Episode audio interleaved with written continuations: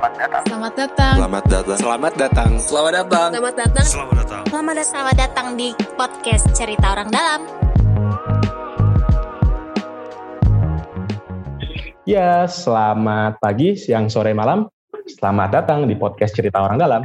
Nah, tadi mungkin yang dengerin uh, sebelumnya nih, ada cuplikan dari penampilan Soundcastra dan Bu Vero di Christmas Carol 2020, Christmas in Jakarta nama acaranya. Nah, buat yang kepo nih, ada apa sih? Sebenarnya acaranya ini gimana sih di balik layarnya gitu. Nah, kita sekarang hari ini ada teman baru lagi. Saya nih host sebagai host ganti-ganti mulu ya. Saya bingung nih. Jadi host baru lagi yang buat temenin saya ada Mas Dedi. Nah, halo Mas Dedi. Halo Nobi, uh, Mas Nobi terima kasih banyak sudah diajak jadi host ini pertama kali nih saya jadi host. Ya, podcast. biasa, biasanya jadi guest ya, biasanya jadi tamu ya. Sudah ya. dikutip di mana-mana nih Mas Dedi. ya maklum lah ya, podcastnya kita sederhana, kadang jadi guest, kadang jadi teknisi ya gitu ya. nah itu, kita memang eh, palu gada ya, apa lo mau gue ya, ada, ya. jadi suka ganti-ganti lah. Nah, uh, di sini ada ada beberapa orang yang beberapa pihak yang memang uh, berkecimpung yang kontribusi banyak di acara ini gitu. Kita kenalin dulu satu-satu Mas Teddy. Ya, betul sekali. Jadi kita ada host, uh, tamunya banyak sih ya. Cuma ya, saya akan kenalin uh, uh, pertama-tama kita ada teman-teman dari Jakarta Experience Board. Apa sih Jakarta Experience Board ini? Saya itu kalau promo suka di depan tuh. Jadi uh, Jakarta Experience Board adalah um, company uh, milik Pemprov yang aktif untuk berkolaborasi dengan berbagai macam uh, sektor gitu ya, terutama kreatif hmm. industri untuk menyelenggarakan event, event. membuat uh, macam-macam lah ya, kreatif market gitu. Kita ada uh, tiga orang dari teman-teman dari Jakarta Experience Board yang berada yeah. di belakang layar dari Christmas Carol 2000 20 yang tentunya feature Foncastra dan Bufero yang keren banget itu, tapi juga sudah mulai sejak 2019. Kalau masih ingat, hmm.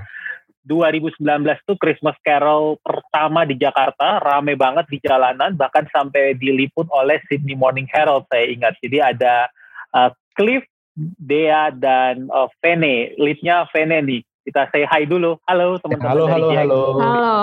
Halo. Mas Halo Mas Dedi. Halo. Latar belakangnya udah keren sendiri ya. Gak usah pakai ini gak usah pakai background udah keren ya. Keren. Ada lambangnya ya, lambang JXP ya. ya lambangnya X Experience. uh, nanti mungkin bisa dijelasin lebih detail lagi tuh JXP itu apa dan bagaimana. Oke, lanjut. Betul nah, sekali. Ini yang tampil nih, yang apa namanya kemarin premiernya lama gitu yang nonton tuh banyak banget. Nah, ada dari Soundcastra. Bener ya Bu nyebutnya? Bener ya Mbak Dodo? Bener, bener. Soundcastra, oke. Okay. Soundcastra dari Mbak Dodo, bener? Oke, okay, lanjut ada Bu Vero. Say hi dulu mungkin. Halo, halo Mas oh, Nobi. Halo, ya. Mas Dedi. Nah, nah, ini mungkin kita akan kepo lebih lebih dalam nih. Kita akan cerita lebih banyak. Nanti kita tapi kepo dulu ke JXB dulu. Seben, tadi mungkin udah sedikit dijelasin sama Mas Dedi nih. JXB itu apa sih? Mungkin banyak orang yang belum tahu nih JXB itu apa dan kerjaannya ngapain aja. Mungkin dari siapa nih? Dari Mbak Rene atau Mbak Dea atau Mas Cliff silakan. Ya Mas Dobli, thank you. Thank you udah diundang juga ke podcast Cerita Orang Dalam. Um, mungkin kalau sedikit tentang JXB, JXB itu sebenarnya tadi benar uh, company milik Pemprov DKI yang fokusnya sebenarnya menghadirkan experience-experience baru di Jakarta. Kan kita ngelihat sebenarnya DKI uh, keren banget ya secara infrastruktur. DKI itu kota modern, kota yang udah maju banget, uh, tinggal diaktifasi oleh masyarakat-masyarakatnya. Jadi JXB ini um, sebagai integrator, katalis untuk ngajakin masyarakat yuk warnain kota Jakarta yang udah keren ini gitu, tinggal hmm. diaktifasi, dihidupkan oleh orang-orang di dalamnya. Gitu sih secara singkat. Kalau mau oh. secara lengkap nanti company profile kita kirimkan. Bisa ya di share ya PPT ya. Nanti malah jadi seminar bukan bukan podcast ini kayaknya. ya gitu mas. Oke, nah terus lanjut nih ke pertanyaan selanjutnya. Kita kan kita tadi ngomongin Christmas Carol gitu. Tadi Mas Dedi udah sempat bahas gitu tahun 2019 jadi Christmas Carol pertama di Jakarta. Nah, awal mula kepikirannya itu dari mana sih? Apakah ya ah pengen aja gitu di Jakarta kayaknya seru gitu meskipun nggak ada salju nggak ada ini tapi kita pengen menghadirkan suasana uh, Christmas gitu. Oh ya mumpung masih suasana ini ya. Ini saya dan podcast cerita orang dalam lupa jadinya mengucapkan selamat Natal dan tahun baru. Ya. Oke. okay. Nah, lanjut. Tadi awal awal mulanya kepikirannya dari mana?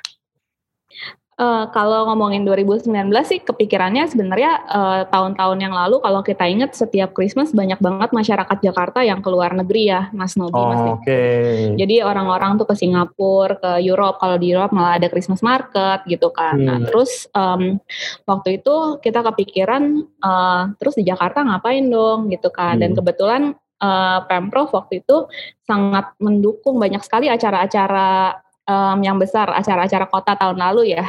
Jadi ada berbagai macam. Terus kita pikir, oh um, ini pas Natalan, uh, aku juga kebetulan baru pulang waktu itu ke Indo gitu kan. Dan waktu bulan Desember ngerasa uh, bisa ngapain nih Natalan di Jakarta. Nah kita merasa sebenarnya um, apa ya bisa membawa um, perayaan itu ke ruang-ruang publik di Jakarta gitu kan karena Jakarta kan kota yang modern kota milik bersama gitu nah bagaimana waktu itu kita uh, brainstorming, ngajak ngobrol banyak orang, uh, deg-degan juga ya karena pertama kali di Jakarta kan. Jadi ya, um, dan ternyata surprisingly um, aku pribadi kaget ya. Kita waktu itu cuma ngajakin komunitas-komunitas nggak banyak, waktu itu paling sekitar 10 uh, maksimum 14 14 komunitas yang ternyata malah ketika acara itu hadir mendadak tiba-tiba um, kalau dadakan malah jadi-jadi ya Benar-benar harus dadakan justru. ya tahu bulat. Warga tahu bulat ya. Iya jadi kita tuh malah uh, tiba-tiba ada 40 komunitas pada akhirnya yang uh, mau ikutan dan bahkan sebenarnya lebih dari itu. Cuma waktu itu memang kita komit waktunya uh, hanya tiga hari ya karena kan banyak juga yang mau merayakan Natalnya sendiri. Yang uh, menurutku lumayan kaget adalah uh, respon masyarakat gitu yang ternyata mereka happy ketika ada sesuatu di ruang publik. Jadi yang tadinya kita pikir ini acara kecil-kecilan, acara yang um, yang apa ya, yang uh, sederhana aja gitu. Ternyata malah uh, respon masyarakat, masyarakatnya yang banyak mewarnai dan kita happy banget sih waktu itu gitu. Jadinya kita kebayang mimpi-mimpi ke depannya kalau Natal ya di Jakarta aja, nggak usah keluar negeri gitu. Wah, keren banget ya. Jadi uh, itu asal mula kenapa kemudian uh, this legendary Christmas Carol itu bisa ada gitu ya. Saya agak-agak loncat nih sebelum kita nanya tentang suka duka menyelenggarakan Christmas Carol nih.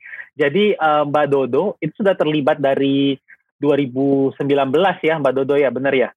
Hmm, yang di Jadi Iya persis persis di di Tamrin Ten. Mungkin bisa diceritakan nggak Mbak Dodo dengan uh, soundcasternya gitu ya kayak uh, soundcaster untuk apa lalu bagaimana sih dulu pengalaman terlibat di 2019 kemarin Mbak Dodo? Hmm, senang sih maksudnya uh, selama ini kan Christmas tuh suasana Christmas di Jakarta uh, kurang meriah lah gitu ya karena ditambah dengan ada diadakannya caroling di setiap titik di Sudirman gitu kan kalau lewat jalan ada ada orang nyanyi nyanyi di pinggir gitu kan Eh, nggak uh, kalah lah sama di luar-luar juga gitu loh. Kayak di luar kan memang mereka oh ada caroling yang keliling rumah-rumah orang. Uh, cuman di sini kayaknya mungkin belum bisa begitu. Tapi kalau ada di Sudirman di mana titik satu titik di pusat Jakarta itu ya? Itu kan bagus sekali ya suasana Christmas diciptakan seperti itu. Jadi orang-orang pun nggak uh, yang nggak keluar dari Jakarta bisa mengenjoy suasana Natal seperti di luar nggak kalah nggak kalah di Jakarta gitu. Kalau di Tamrin Tennya pun kita waktu itu kebetulan diundang untuk perform orkestra. Orkestranya itu selama satu jaman dua jam. Dilanjutin lagi sama uh, ada band-band lain juga. Nah, sepanjang hari sepanjang sore itu tuh dapat banget lah suasana Natalnya kita bisa kebetulan kan nggak ada covid tuh jadi kita bisa kumpul bisa nari bareng bisa enjoy musik terus ditambah tim karena kan banyak makanan-makanan makanan kecil gitu. Bagus sih bagus banget ide yang bagus. Jadi itu diteruskan semoga tahun-tahun ke depan juga bisa tetap terus dilaksanakan Christmas Jakarta Iya, menarik banget ya tadi Mbak Mbak Dodo bilang uh, satu hal uh, waktu 2019 dulu ya belum ada COVID ya, jadi benar kita bisa ngumpul, uh, bisa nyanyi-nyanyi bareng gitu. Nah ini pengen nanya lagi ke JXB Mbak Vene, mungkin Mbak Dea atau Mas Cliff ya. 2019 kita bisa rame-rame ya di jalan, itu suasananya festif sekaligus uh, mengharukan ya bagi bagi beberapa orang yang terutama pertama kali melihat uh, Natal bisa dirayakan secara meriah gitu di jalan. 2020 tentunya tahun yang berbeda gitu ya. Umat Kristiani sejak Maret tidak ke gereja, bahkan saat gereja buka pun uh, orang tetap uh, tetap membatasi diri ya dan tetap lanjut dengan gereja online, merayakan Paskah lewat online, merayakan Natal lewat online. Um, apa yang membuat JXB tetap uh, berkeras mungkin ya bahasanya ya uh, atau tetap berteguh untuk mengadakan Christmas Carol 2020 ini uh, dan bagaimana rencananya, idenya sampai kemudian punya format yang uh, tentunya harus mengikuti dengan keadaan uh, kesehatan saat ini. Silakan mungkin dari Mbak Penny atau teman-teman yang lain. Iya, mungkin um, berbeda sekali ya uh, setelah adanya COVID gitu kan. Kalau tahun lalu kita semangatnya membawa sukacita itu ke ruang-ruang publik Jakarta, tahun ini kita malah agak takut kalau ternyata menimbulkan keramaian gitu kan. Nanti uh, niatnya mau ngadain Christmas malah ditangkap Satpol PP gitu kan. Jadi akhirnya uh, sempet banyak banget ngobrol uh, karena sebenarnya uh, Christmas in Jakarta tuh nggak pernah jadi miliknya JXB sendiri gitu, tapi miliknya masyarakat. Karena kita ingat tahun lalu yang tadi Mbak Dodo cerita, banyak banget masyarakat yang sebenarnya nanya, dipanjangin dong, yang dari daerah pengen ke Jakarta, terus minta uh, minta di extend lagi, di extend lagi. Nah, uh, di tahun ini kita sebenarnya uh, merasa ada beberapa yang nanya tahun ini Christmas ngapain nih di Jakarta? Jakarta ngadain apa lagi nih? Sehingga kita pikir um, kita rasa masyarakatnya sendiri uh, ingin ingin ada suasana itu. Tapi tentunya dengan keterbatasan yang ada kita brainstorming bagaimana menghadirkan uh, kehangatan itu tetap ada uh, dari Jakarta untuk masyarakatnya. Dan sebenarnya idenya nggak pernah dari JXB sendiri sih Mas Dedi. Malah uh, banyak sekali dapat bantuan dan dukungan dari pemprov dan juga dari komunitas-komunitas yang tahun lalu terlibat, mereka justru ngasih-ngasih ide gitu. Dan termasuk Mbak Dodo nih yang apa um, baru kita reach out seminggu sebelum udah tiba-tiba kita siap gitu. Jadi sebenarnya tahun ini banyak yang dadakan, banyak yang ngagetin uh, di tengah keterbatasan ini. Kita tetap merasa masyarakat ini tetap bersatu lewat uh, kreativitas-kreativitas yang bisa kita hadirkan gitu sih. Oke. Okay. Hmm, iya, iya. Ya, Jadi, uh, Eh, silakan, jadi. Nah, silakan Mas Nobi. Nah, tapi ini jadi kepo nih. Uh, kan tadi udah shifting nih dari 2019 jadi online. Nah, kita tapi saya sedikit geser mungkin ke Vero nih. Di tahun 2020 jadinya me, ikut meramaikan Christmas Carol di di apa di nama acaranya Christmas in Jakarta ya. Nah, awal mulanya tuh diajakin siapa Bu? Terus akhirnya kenapa mau ikutan bergabung gitu? untuk meramaikan acara ini? Belum dibuka Bu mute Nah ya. Eh, kedengeran? Siap, udah. Ya. Dari 2019 itu ya saya juga tahu keterlibatan uh, Soundcastra ke acara JSP ini. Karena kan memang kita satu tim. Mungkin tahu kalau aku anak rusun dari Warung Imaji, yang kita pernah jalanin bersama, memang Soundcastra ini adalah tim yang bang, solid banget di dalam musik, di dalam director, di dalam maksudnya untuk ngelola uh, semua menjadiin pokoknya semua jadi paper, jadi kertas, jadi musical, terus kita bisa jalanin gitu. Jadi memang kita udah kerjasama udah cukup lama dari 2017. Jadi waktu 2019 itu ya uh, memang dikasih tahu gitu Ci, maksudnya mau ngadain nih pemprov acara Carol Natal nih. Oh ya udah, saya nggak apa, saya bilang nggak apa-apa, dukung, dukung aja. Terus out of the blue, tiba-tiba seminggu sebelum Natal, tiba-tiba malam-malam si Dodo WA gitu. Ci, ini diminta lagi nih buat bikin acara buat Christmas tahun 2020 ini gitu loh. Nah buat saya, saya hanya gini, dari dulu saya selalu ber, berprinsip saya pingin anak-anak Jakarta, anak-anak muda, anak-anak itu bisa bebas berkreatif gitu. Tentu kita memberikan wadah.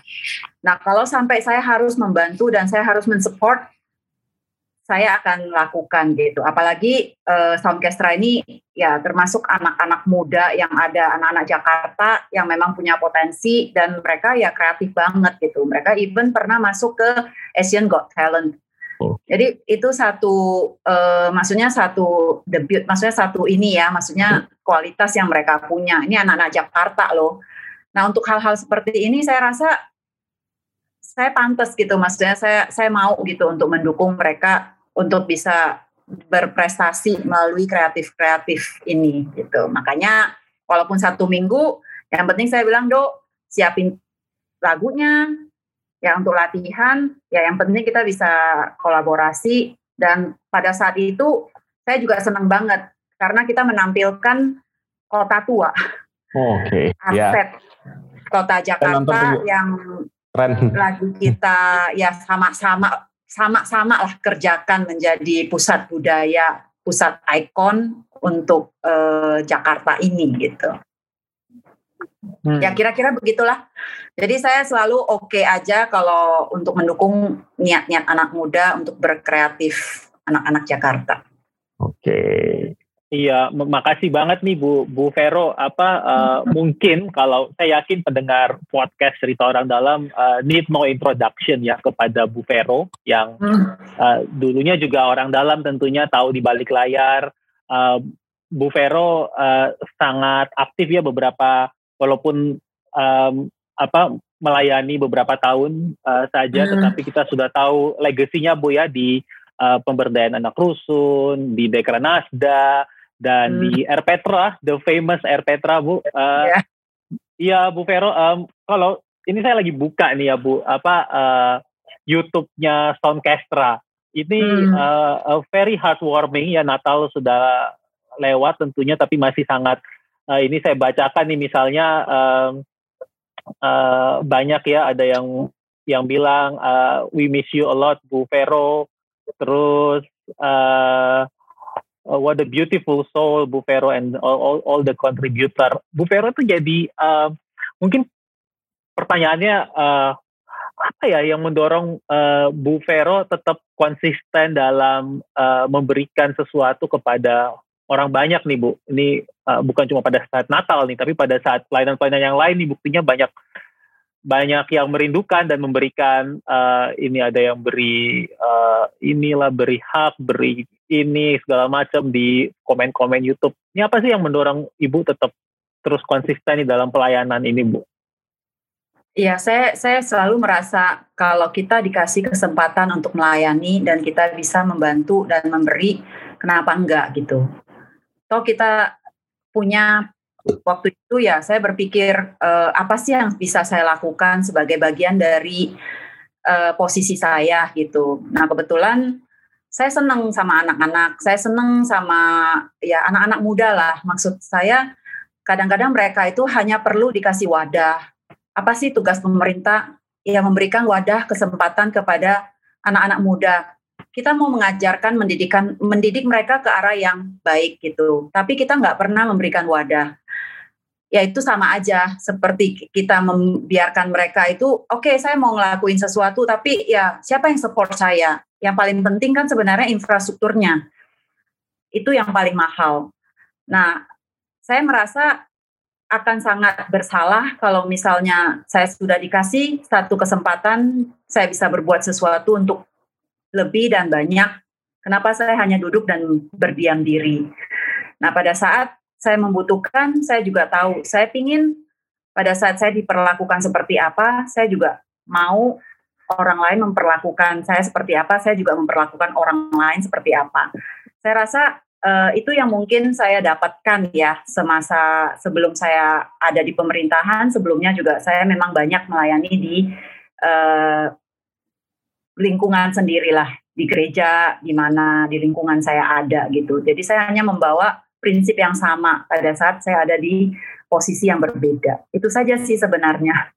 Hmm, iya, betul sekali Bu. Saya kebetulan kemarin hadir juga pada saat taping di Kota Tua ya Bu ya. Uh, sangat menarik sebenarnya kalau lihat uh, kemarin Bu Vero terlibat gitu um, apa cepat gitu ya Bu ya uh, sangat passionate dan juga nggak uh, macam-macam ya untuk uh, figur um, kalau kita bisa bilang terkenal Bu Vero gitu ya uh, gitu uh, saya jadi jadi ingat Bu, Bu Vero kan banyak uh, dengan kota tua ya Bu ya. Kota tua sesuatu yang sangat dekat dengan dengan Ibu ya.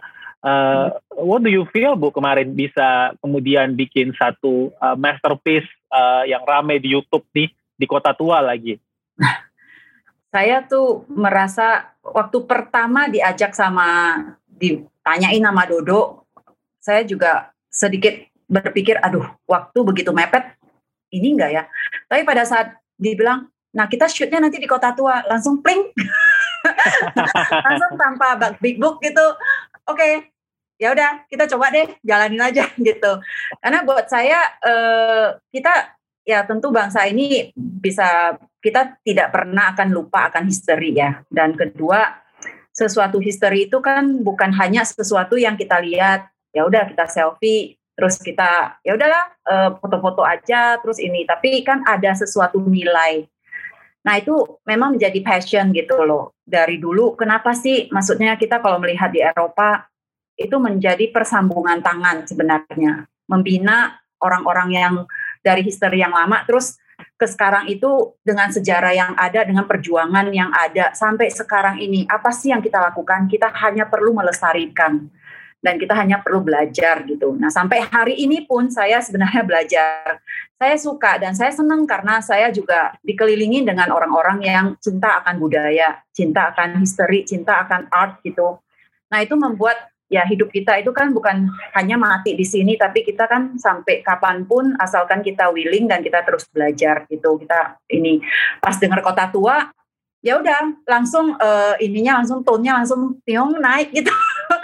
Jadi saya mikir udah yang penting saya uh, kita bisa ngelakuin apa sih? Pertama, saya mengajak ya maksudnya kita bersama-sama lah ayo kita angkat anak-anak muda. Kreatif daripada istilahnya daripada anak-anak muda yang sekarang lihatnya yang lebih ke yang lebih ke rush demo segala macam kenapa sih kita nggak menggiring anak-anak muda untuk melihat bahwa banyak sekali sisi-sisi yang bisa dilihat? Selain hanya urusan-urusan yang begitu hektik apalagi kota Jakarta yang penuh dengan berita ya penuh dengan ketegangan penuh dengan kecepatan gitu. Tapi kota Jakarta juga harus bisa menjadi tempat yang welcoming ramah aman nyaman. Kita ada loh ini semua.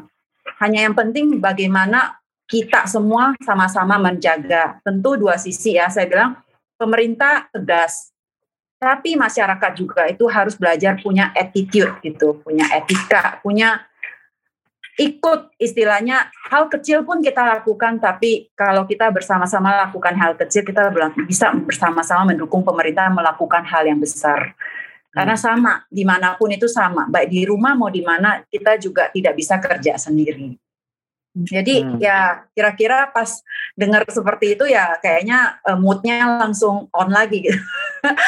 walaupun walaupun kita tahu kadang-kadang di kiri kanan kita mendengar berita duka, kita tahu suasana pandemi, tapi ya come on gitu, apakah kita akan ter terus terbenam di dalam suasana seperti ini instead of kita ya udah kita berinjak ke sisi lain masih banyak anak-anak muda yang punya uh, bakat masih banyak punya semangat gitu. Kenapa kita nggak bersama-sama mendukung semangat itu supaya anak-anak muda dalam kondisi pandemik itu juga bisa tetap bangkit gitu. Ya, hmm. sebenarnya itu aja sih ya. Kalau udah ngomong seperti itu ya spiritnya ya naik kembali. Pingin lah, maksudnya kita anak-anak muda loh, kita anak-anak Jakarta kok kita yang sama-sama harus daripada memberikan pengaruh negatif, kenapa kita nggak sama-sama memberikan pengaruh positif saja gitu. Wow. Makasih banyak Bu Vero, uh, satu pengingat juga ya bagi kita anak-anak muda tentang uh, banyak hal ya, terutama yang Bu Vero teladankan ya, walaupun sudah tidak dalam posisi formal, tetapi tetap bisa berkontribusi. Menarik sekali sih, terutama tadi bicara tentang kota tua nih. Ini saya nanti akan balik lagi ke ke Bu Vero. Tentunya kita pengen uh, dapat wisdom lebih banyak nih Bu dari Bu Vero. Uh, tapi mungkin tadi uh, pengen nanya ke Mas Cliff sebagai uh, sutradara ya atau produser atau apa tuh namanya kemarin ya di uh, balik uh, kota tua tadi tentang uh, penampilan Soundcastra uh, Bu, the featuring Bu Vero. Mas Kli bisa diceritain nggak uh, bagaimana sih uh, pengalamannya ya, idenya dalam kemarin taping gitu, tantangannya apa? Mungkin sekaligus bisa cerita juga Mas Cliff atau Mbak Dea yang bisa cerita tentang uh, suka duka di belakang layar. Pasti juga banyak yang ingin tahu bahwa kayak apa ya, yang hal-hal lucu-lucu tuh di belakang layar dari Christmas Carol baik tahun ini mungkin atau tahun lalu juga bisa diceritain deh kalau masih inget. Silakan Mas Cliff.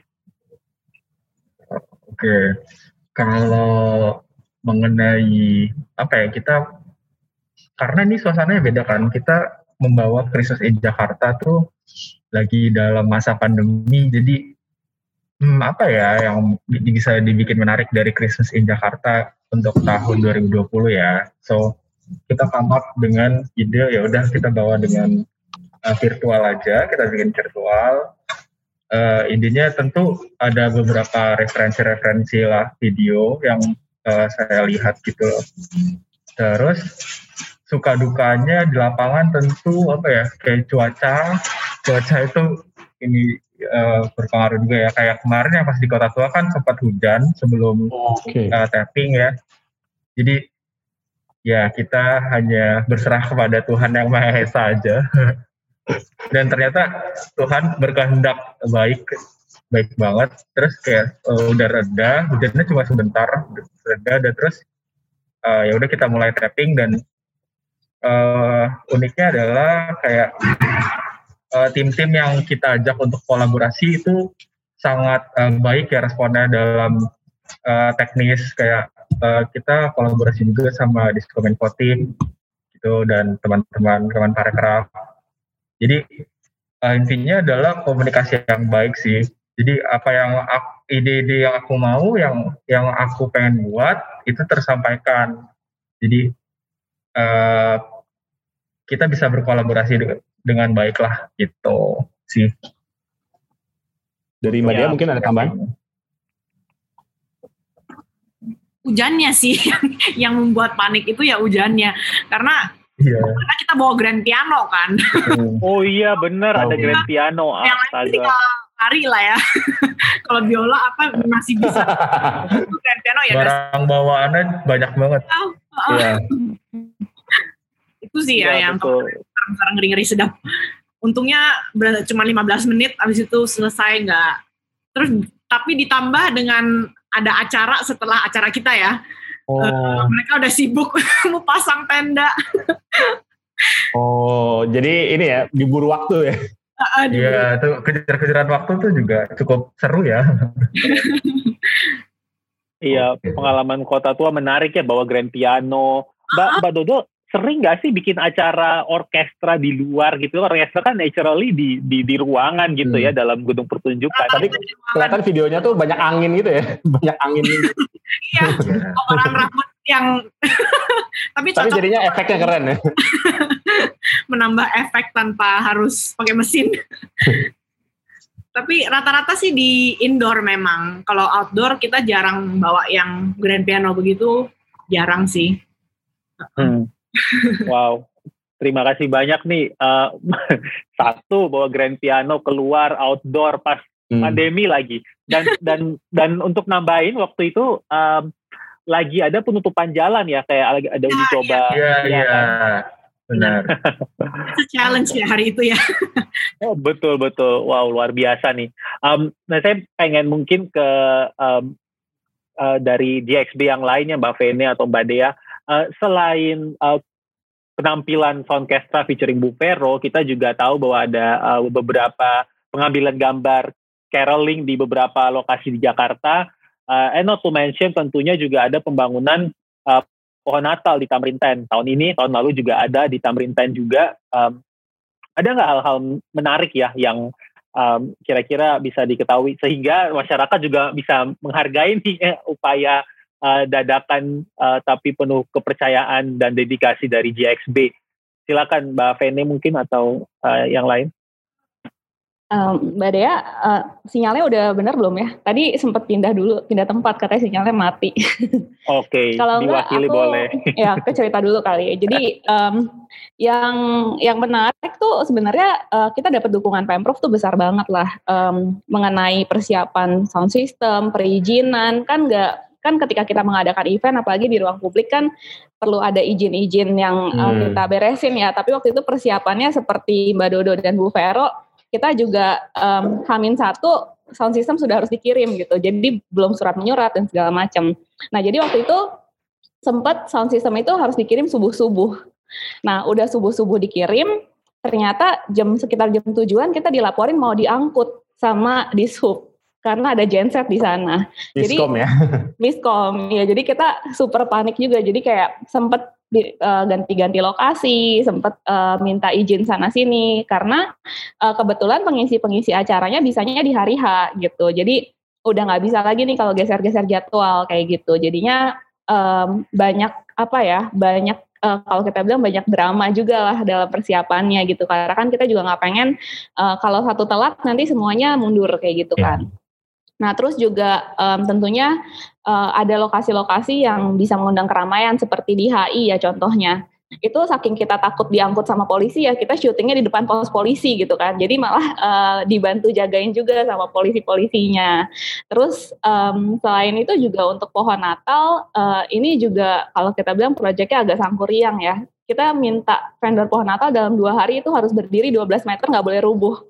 Nah, um, ketika udah di udah diiyain, kita udah bilang concern kita cuma jangan rubuh. Karena kan kita tahu tahun lalu anginnya kenceng banget kan ya hmm. kalau di bulan-bulan ini ya. Bulan-bulan ini. Uh, uh, jangan sampai baru berdiri nyala terus ada apa-apa nanti malah uh, jadi rame gitu. Nah, ternyata kita pikir uh, dengan vendornya sudah mengiyakan, kita percaya uh, ternyata pas dalam pemasangannya malah uh, ini apa namanya um, struktur tanahnya lembek. Jadi oh. sudah dibor sampai dalam, udah dipasang uh, tiang pancangnya sampai dalam, itu tuh masih goyang. Jadi akhirnya mesti lagi ke toko besi, udah malam-malam gitu kan. Jadinya agak agak heboh lah gitu sampai um, akhirnya banyak sekali um, orang-orang yang terlibat yang sampai harus nginap di sana, yang sampai dua malam nggak bisa nggak tidur demi um, itu terpasang tepat waktu gitu. Selain itu juga uh, di masa pandemi um, ada beberapa tempat yang protokol COVID-nya ketat, jadi udah nyampe kita baru tahu eh harus rapid. Jadi ya akhirnya cari lagi tempat apa uh, siapa nih yang bisa ngerapitin kayak gitu ya. Jadi jadinya banyak uh, banyak apa ya banyak drama onsite kali ya. Dan kebetulan uh, teman-teman yang turun ada dia ada Cliff yang ke lapangan. Aku bacain WhatsApp tuh agak deg-degan banget tuh uh, satu minggu itu gitu drama. Apalagi nih kalau ada WhatsApp dari mereka tuh langsung kayak ya Tuhan kayak harus banyak-banyak doa gitu. Untungnya sih kembali kolaboratornya baik-baik banget sih dan sangat pengertian dan juga uh, aku sih merasa sendiri uh, pihak uh, pemprov dan juga petugas lapangan itu sebenarnya sangat suportif sih uh, ke ke acara ini gitu gitu hmm. sih dari aku mungkin uh, ya deanya hilang mohon maaf sebelumnya iya cukup diwakili saja ya. Oke, okay, um, menarik sekali ya. Ini ada pertanyaan uh, usil aja nih, uh, Mbak Vene. Jadi um, bikin Christmas Carol. Bukan cuma tahun ini tahun lalu ya bikin pohon Natal gitu. Kita tahu ya kadang-kadang kan uh, perdebatan masyarakat di sosial media tadi seperti yang Bu Vero juga sempat singgung mungkin tidak menggambarkan keadaan sesungguhnya ya. Pohon Natal tuh uh, aman gak sih selain dari angin tapi juga dari uh, perdebatan netizen? Uh, pengalaman dua tahun ini Mbak Vene Um, surprisingly malah seru banget ya. Jadi aku agak um, terharu juga. Jadi bahkan sebelum pohon Natalnya jadi, ibaratnya kan kalau kita pohon Natal dipasang uh, hiasan di atas ya pohon Natal itu jadi lampu nyala gitu ya. Ini tuh selama bahkan belum jadi baru kerangkanya mulai kita bangun itu banyak banget ternyata orang yang lewat foto-foto kak. Jadi hmm. uh, apa ya? Jadinya uh, ternyata uh, yang merayakan itu benar uh, bukan cuma uh, mungkin umat Kristiani gitu yang merayakan Natal, tapi banyak sekali masyarakat yang ngerasa ini lucu ya um, ada pohon Natal, ada hiasan. Jadi uh, sebenarnya so far yang kita dapat responnya sangat positif ya terhadap pembangunan pohon Natal. Mungkin kalau cerita tahun 2019 malah lebih seru lagi gitu karena waktu itu kita ngajak sekolah dan uh, gereja gitu untuk bikin uh, ondel-ondel dari botol aqua bekas, botol air mineral bekas. Wow. Jadi itu malah sampai uh, petugas-petugas pasukan oranye, pasukan biru, pasukan uh, segala pasukan warnanya DKI itu ikut turun tangan untuk ngebikin ondel-ondel botolnya, terus juga ngebangunnya tuh ngebangun sendiri nggak pakai kontraktor. Jadi alat-alatnya dinas ikutan kayak gitu. Jadi um, so far sih kita merasa sebenarnya um, banyak banget orang-orang yang sangat suportif. So far nggak ada hal-hal uh, yang negatif sih dari masyarakat, Mas gitu. Hmm. Wow, menarik sekali ya. Jadi uh, pembelajaran uh, yang yang mungkin sebenarnya kadang bisa kita perdebatkan atau bahkan kita takutkan sendiri karena ada di di di, di sosial media atau di grup-grup WhatsApp kita. Tetapi uh, pada kenyataannya pada saat hadir itu membuktikan bahwa uh, masyarakat kita ya menghargai dan mungkin hmm. uh, merayakan bukan cuma merayakan perbedaan ya tapi mengusahakan persatuan juga. Menarik banget. Silakan Mas Nobi. Ya um, mungkin tadi ya kita coba ngobrol dulu lagi dengan Bu Vero dan uh, Mbak Dodo gitu bahwa kondisinya kan ini sering kali jadi uh, apa ya ya tadi jadi perdebatan jadi permasalahan di, uh, di media sosial bahwa ini ngapain nih pemprov bikin gini demi demi ini ya pencitraan dan segala macam tapi tapi kalau kita dengar cerita Mbak Dodo dan Vero, ya ini sebenarnya udah ada dari lama. Res, apa namanya eh, tanggapan dari Mbak Dodo dan Bu Vero sendiri gimana gitu bahwa sebenarnya ya ini kan adalah salah satu apa ya tadi ya festival gitu bahwa ini bahwa bahwa Jakarta untuk semua. Nah, ini mungkin tanggapan dari Mbak Dodo dan Bu Vero seperti apa? Vero? Oh, ya Bu Vero dulu boleh. Oh, ke saya. Ya. Oh, itu ya mungkin yang saya sebutkan tadi gitu loh. Kita juga nggak bisa fokus ke satu masalah. Ya seperti hmm. yang dikatakan Mas Nobi, ya ini Jakarta kan tuh semua. Ada orang tua, ada anak muda, apalagi sekarang anak-anak muda yang perlu kita berdayakan gitu loh. Artinya mengarahkan mereka gitu. Jadi ya mau pencitraan kayak mau apa, yang penting kalau kita konsisten, kita melakukan sesuatu yang sustainable, kita ya yang penting dari hati kita ya kita konsisten dengan apa yang sudah kita believe gitu. Dalam arti ya kita akan tunjukkan misalnya ini memang JSP seperti acara-acara seperti itu udah mulai dari 2019 ya yes, hmm. everything kan harus ada start awalnya kalau kita lihat di luar negeri kreatif-kreatif anak muda itu mereka bisa melakukan di mana aja di jalanan bahkan di New York punya bawah itu mereka bisa memanggil eh, pemain-pemain uh, yang biasanya biasa udah main di uh, stage gitu, udah udah biasa udah main di ballroom atau apa pun, tapi mereka bisa berbagian pada saat Natal itu atau itu di MRT, di terowongan gitu. Nah itu kan sebenarnya apa sih? Kalau saya lihat mungkin ini udah konsisten dari 2019, tinggal kita perlu waktu aja untuk lihat konsistensinya kita adalah kita memang pure kita pingin memberdayakan anak-anak muda, kita ingin memberdayakan anak-anak Jakarta yang kreatif itu dan kita Pemprov ya ingin mewadahi itu. Itu kalau itu yang saya lihat gitu ya. Maksudnya saya melihat passion anak-anak muda ya anak-anak uh, muda seperti JSP, Mas Nobi, Mas Dedi gitu, Felicia ya punya hati yang sama gitu. Nah, di sisi lain kalau kita melihat kita hanya tertuju pada masalah-masalah yang ada tanpa kita mengembangkan di sisi lain untuk membuat ini menjadi satu keseimbangan. Akhir akhirnya kita akan mati hanya di satu sisi kiri untuk mencari solusi. Sedangkan hidup itu ya harus continue, kita juga harus maju, kita juga harus berpikir langkah apa, kita harus cari solusi. Bagaimana? Apakah kita cuma berdiam diri? Ya enggak juga. Ya saya support sih kalau misalnya melihat anak-anak muda yang punya passion yang sama, ayo sama-sama membuat kota Jakarta ini bukan hanya kota Jakarta yang begitu hektik, begitu rush, begitu banyak ya. masalah, yeah. tapi di sisi lain beda loh, kita welcoming, kita itu menjadi kota ibu kota, tapi ibu kota yang ramah, ibu kota yang welcoming semua orang, ibu kota yang mengayomi juga dengan membangkitkan, menaikkan kreatif-kreatif anak-anak muda untuk berbagian. Saya saya sih melihatnya seperti itu sih melalui acara-acara yang diberikan dengan toleransi semua bersama ayo kita sama-sama kita anak-anak Jakarta mau apa pun mau dari daerah yang lain dari daerah mana pun kita adalah satu kita adalah warga Jakarta yang sama-sama multicultural dan kita sama-sama mau menunjukkan toleransi kita ada di sini nah kita bersama-sama memajukan kota Jakarta Itu sih kalau menurut saya. Wah, keren sekali.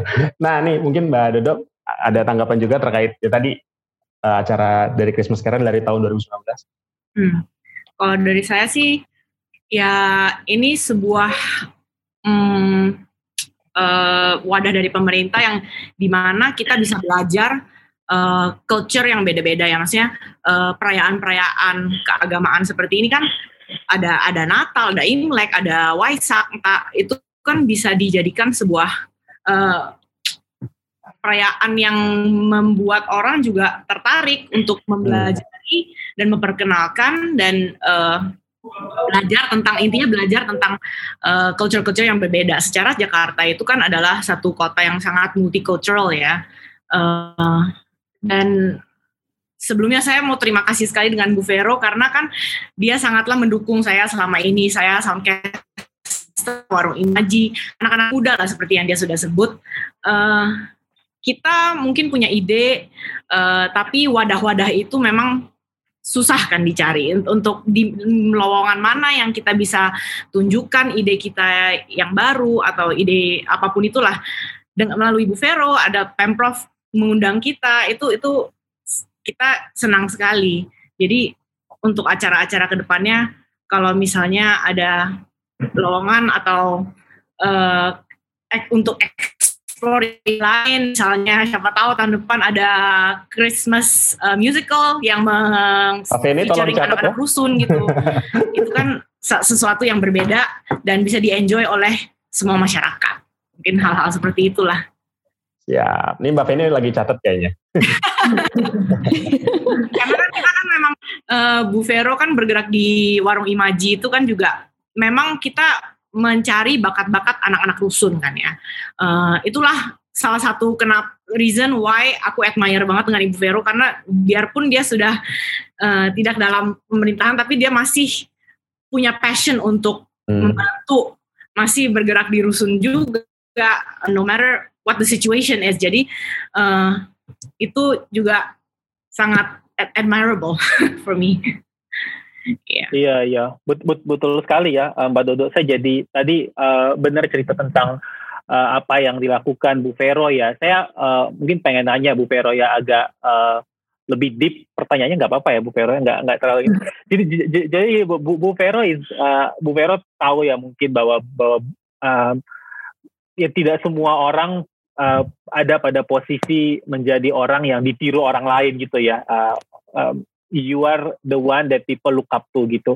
Bu Vero, uh, kemarin itu kita uh, ngerayain Natal mungkin ya dengan uh, situasi yang tentu sangat berbeda dengan 2020 yang penuh dengan cerita gitu ya. Um, mungkin kalau bisa berbagi bukan tema kita Natal gitu ya. Uh, walaupun sudah lewat Natalnya, uh, refleksi Natal di 2020 gimana Bu Vero menurut Bu Vero? What do you learn selama uh, lihat Natal dengan suasana sekarang Bu? Uh, ya tentu pada saat ini kalau misalnya tahun lalu sebelum ada COVID, kita semua merayakan dengan sesuatu yang meriah, sesuatu yang maksudnya bebas. Tapi pada saat ini kita tahu dan merefleksi diri lah. Dalam arti apa sih yang paling penting dalam hidup kita? Damai sejahtera. Bagaimana kita tahu uh, percobaan apa pun itu yang terjadi kita tahu ya itu semua tidak akan bisa kita iniin kalau ya memang Tuhan memberi semua itu ya kita dicobain tapi ya bagaimana kita tetap menjalankan hidup ini dengan damai. Artinya kita juga harus refleksinya adalah mungkin kita lebih akhirnya lebih banyak kita bukan melihat itu sebagai sesuatu yang aduh untung ya tapi yang namanya orang Indonesia itu kayaknya banyak untungnya gitu jadi selalu apa pun itu tetap ending-endingnya untung begini gitu tapi yang saya lihat adalah apa pun masalah itu selama kita kuat di dalam keluarga ya artinya lebih punya banyak waktu juga bersama dengan keluarga dan kita bisa merefleksi apa sih yang paling penting dalam hidup kita. Hmm. Okay. Nah itulah yang oh. menjadi selain ya kadang kita mencari sesuatu yang mengejar sesuatu ya pada akhirnya itu kita hanya disuruh berdiam diri dan menunggu. Tapi uh, dengan adanya ya Natal tahun ini ya saya bersyukur banget ya ajak sama Pemprov juga, maksudnya dari JSP sama anak-anak muda juga ya masih bisa memberikan bagian dari saya gitu dengan tim memberikan uh, damai itu melalui musik-musik, melalui ketenangan. Ya sesuatu yang patut kita syukurin ya, mengakhiri sesuatu satu tahun ya dengan hati yang tentu berharap, tapi ya kita terus berdoa, tapi kita terus jalanin ini dengan balik lagi selalu tenang dan mencari solusi karena saya yakin apa pun itu selalu ada jalannya. Walaupun jalan itu mungkin tidak mulus, hmm. tapi yang penting kita punya semangat, kita mau maju terus, ya damai itu selalu ada dan sekarang kita ada di 2021. Ya. Wow, terima kasih. Benar banget ya Bu Vero ya. Uh, bersyukur mengetahui apa yang paling penting dalam hidup kita uh, di saat nggak bisa ke mana-mana gitu ya, nggak yeah. macam-macam. Uh, kita justru jadi tahu yang paling penting yang mana ya. Dan uh, betul kita lihat 2021 dengan um, harapan baru gitu. Nah saya ingin uh, kalau lima menitan gitu ya mungkin pengen uh, nutup dengan satu kali ini kepada mungkin dari Mbak Vene dulu ya dari Mbak Vene dan GXB uh, what's next apa um, yang akan dilakukan lagi oleh GXB kan orang menunggu nih kan namanya set uh, ekspektasi tinggi uh, bar tinggi standar tinggi itu Eh, nggak uh, ada jalan lain selain melebihi gitu ya.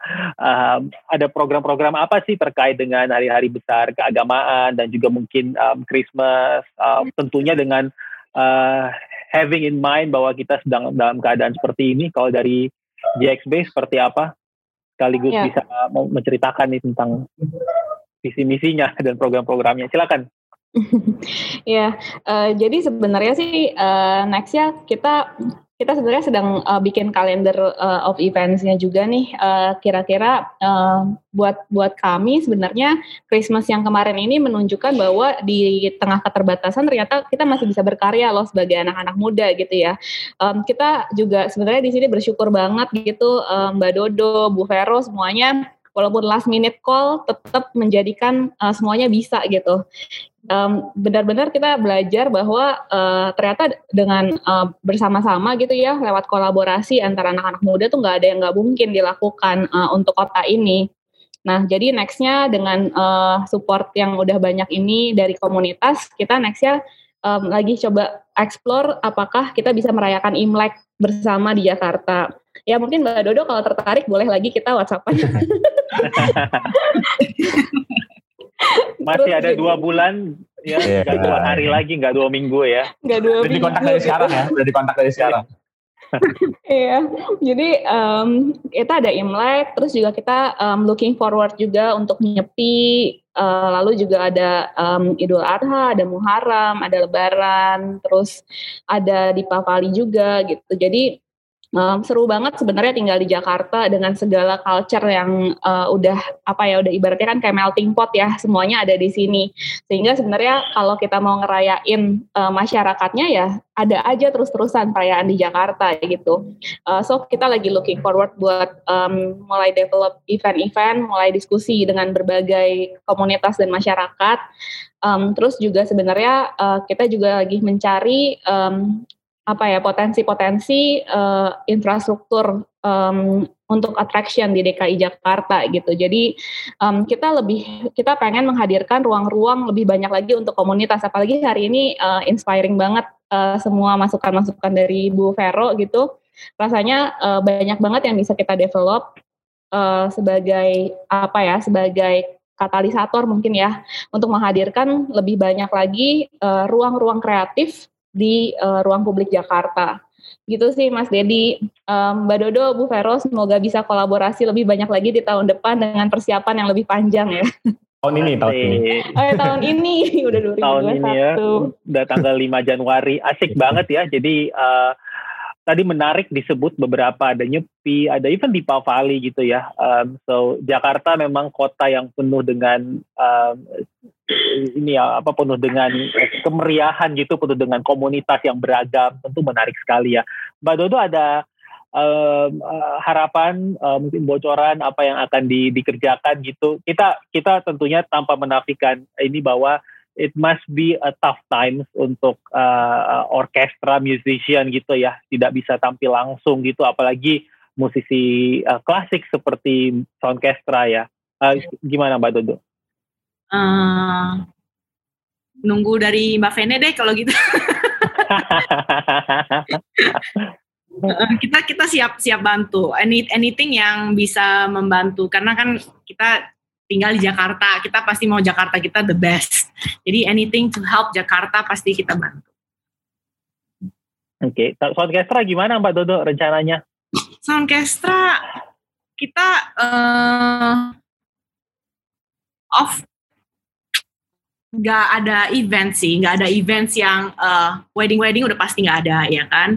Uh, jadi kita so far sih untungnya masih ada masih ada job-job yang uh, misalnya dari uh, rekaman-rekaman uh, pada buat album sih banyak artis-artis buat album. Nah itu masih masih bisa dikerjakan lah.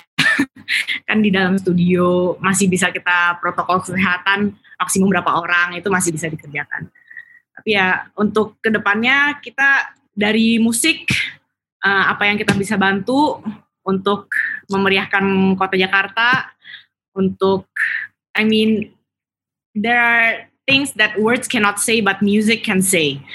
Um, so we're happy to help. Ya yeah. exactly. Betul sekali sih. Uh, kemarin orkestranya uh, ya nyanyiin satu perempat lagu ya, uh, Oh Holy Night dan uh, God Rest You Merry Gentleman. Uh, nggak nggak ngomong banyak gitu ya, tapi uh, bisa menceritakan banyak hal dan mungkin menyentuh orang-orang uh, juga. So uh, ya. Yeah. Ya kayak kemarin. Ya, ya karena karena memang settingnya di kota tua, kita juga kepikir, oh even though it's Christmas itu kan kita bisa pakai sentuhan Indonesia, makanya kita kayak gamelan Bali itu kan menunjang nuansa Indonesianya, terus uh, pada pakai kebaya tapi hijau dan merah supaya ada Christmasnya itu kan ya bisa dikolaborasikan lah dari budaya Christmas dengan Indonesia itu kan ya bisa kita padukan. Iya, betul. Wow, persis.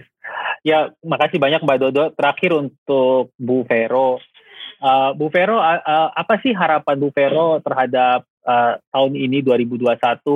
Um, karena Bu Vero adalah milik semua warga Jakarta, tentunya kita juga pengen tahu harapan Bu Vero terhadap kota Jakarta kita ini yang sedang bertarung melawan pandemi, berada di hmm. tengah situasi yang menantang. Apa harapannya di 2021 ini, Bu Vero? Dan pesan-pesan bagi kita semua, Mbak Vene dan teman-teman yang lain. Ya, uh, buat saya walaupun masa pandemik itu satu hal yang harus dibereskan dan kita berdoa semoga pandemik cepat berakhir. Tapi di sisi lain, ya continuous, uh, maksudnya kita harus ngelakuin apa sih buat kota Jakarta? Yang paling penting adalah kita tahu kalau kota Jakarta itu adalah ibu kotanya Indonesia, tempat pusat bisnis, pusat cultural, dan pusat ini yang paling penting kita sangat memerlukan pemerintah untuk mensupport kita benar-benar bisa merasa aman, bersih, dan ikon-ikon yang ada di Jakarta ini ya kita tetap tonjolkan dan kita perbaiki. Penghijauan yang saya lihat di titik-titik ini udah mulai tapi maksudnya hanya di titik tertentu. Dan tentu perlu di kota Jakarta yang begitu rush yang begitu banyak masalah ketegasan dari pemerintah itu sangat dipenting sangat diperlukan Misalnya kayak kita ngomong ibu kota deh, e, maksudnya kita ngomong kota tua deh. Bagaimana sih kita pemerintah itu bisa bekerja sama tegas gitu untuk mikrolet walaupun kita tahu MRT akan datang. Hmm. Jadi memang itu hal-hal realisasi yang yang kita selalu omongin dan banyak diomongin orang-orang tapi kita perlu dukungan bagaimana support pemerintah menjadikan kota Jakarta itu adalah kota yang welcoming, kota yang ramah, tapi pada saat ramah itu tentu identik dengan aman dan nyaman.